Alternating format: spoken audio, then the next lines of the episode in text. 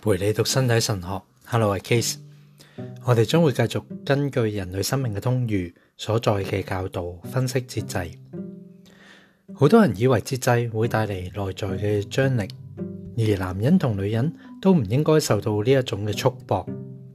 正好相反，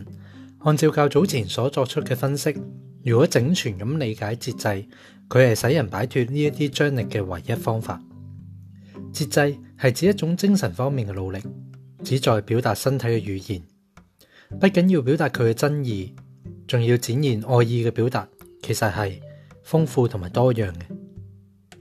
呢一种努力是否可能嘅呢？按另一种讲法，或者另一个层面嚟讲，呢度引申嘅问题系人类生命嘅通谕所重述同埋确认嘅道德规范系咪可行嘅呢？呢个属婚姻生活灵修嘅范畴，系其中最主要嘅问题之一。教会深信，对于负责任嘅父母职啊，作出肯定系一个正确嘅原则。呢个唔单止系基于人口学嘅理由，而系为咗一啲更重要嘅理由啊。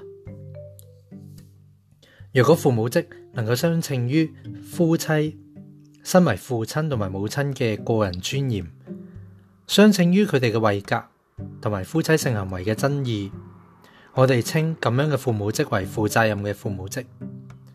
喺呢一度显露出婚姻嘅整个夫妇灵修同埋负责任嘅父母职有住紧密同埋直接嘅关系。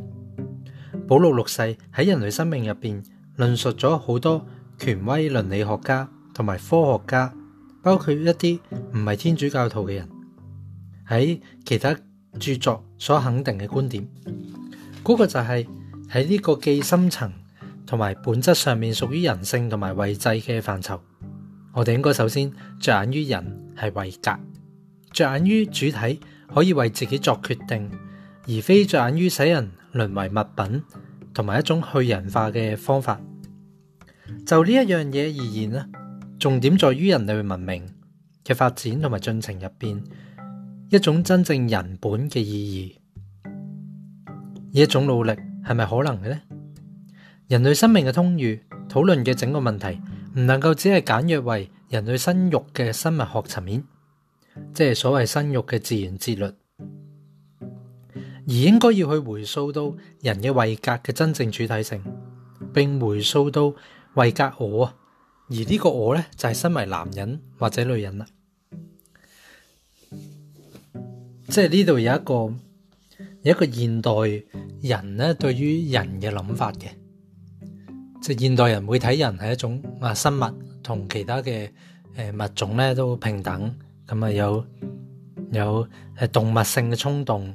有动物性嘅本能咁样。但系佢呢度就提到，唔系净系将人咧去睇为一种咁样嘅物品或者去人化 （depersonalize）。反而咧，系要，诶，将人带翻一个位格，佢有主体嘅，佢有，诶，可以为自己做决定嘅，诶，呢啲嘅部分去睇人啊，先至可以去谈论节制嘅努力系咪可能？咁样，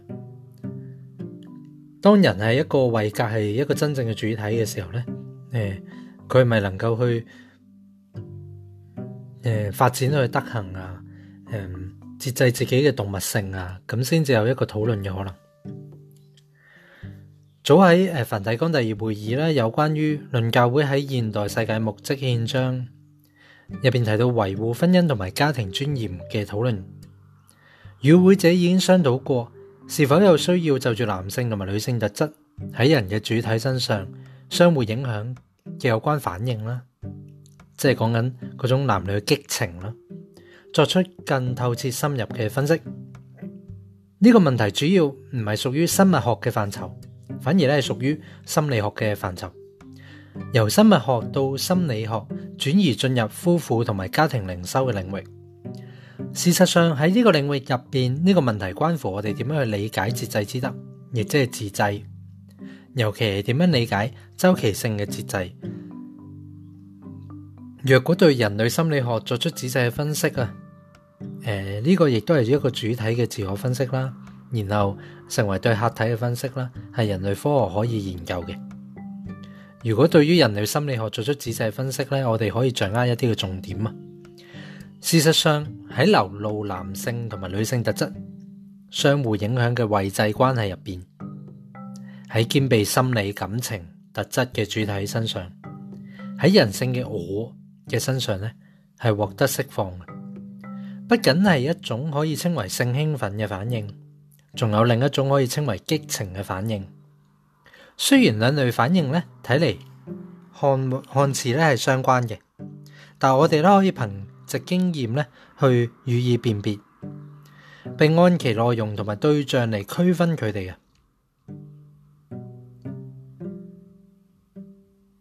两种嘅反应嘅客观差异在于性兴奋咧主要系肉体性嘅，系 bodyly。因而咧系性方面嘅，系 sexual 方面，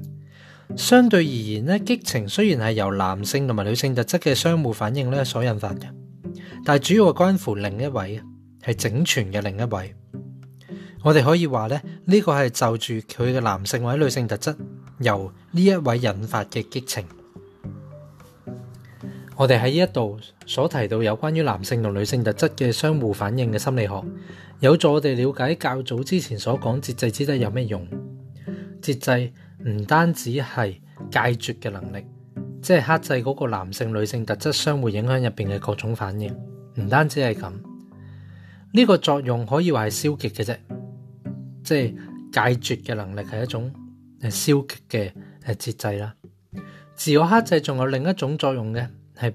从积极嘅角度去睇啊，嗰个就系按住呢啲反应嘅内容同埋特质咧，去导引相关反应嘅能力，即系话按住诶男同女之间嘅激情啊、性兴奋啊呢啲嘅内容嘅特质咧，可以有能力去克制、去自制或者去引导、去引导自己呢啲反应。我哋已经讲过。就住男性同女性特质嘅相互反应而言，性兴奋同激情唔单止系人性我两种截然唔同嘅经验，而且往往系同一经验入边呢两种唔同组成嘅部分。两个部分喺同一个确定嘅经验入边所占嘅比重咧，取决于唔同嘅状况，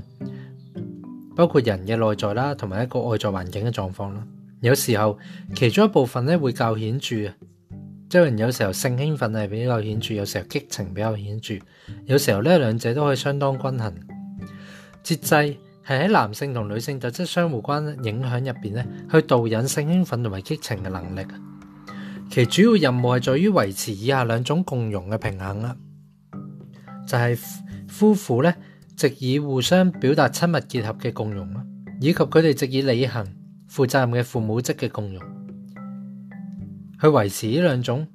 诶，即系做父母啦，同埋亲密结合嘅诶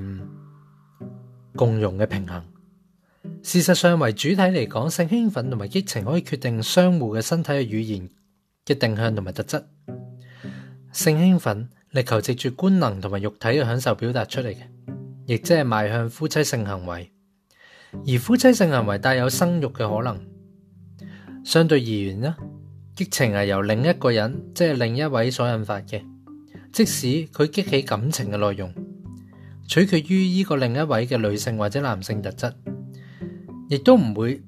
自然而然咁样迈向夫妻嘅性行为嘅，却只限于其他别嘅爱意嘅表达。喺呢啲爱意嘅表达中，身体嘅配偶性意义得以表露，但系不包括佢潜在嘅生育意义嘅。我哋唔难明白。呢个对负责任嘅父母职呢个问题所产生嘅后果，呢啲后果往往系属于道德性质嘅后果。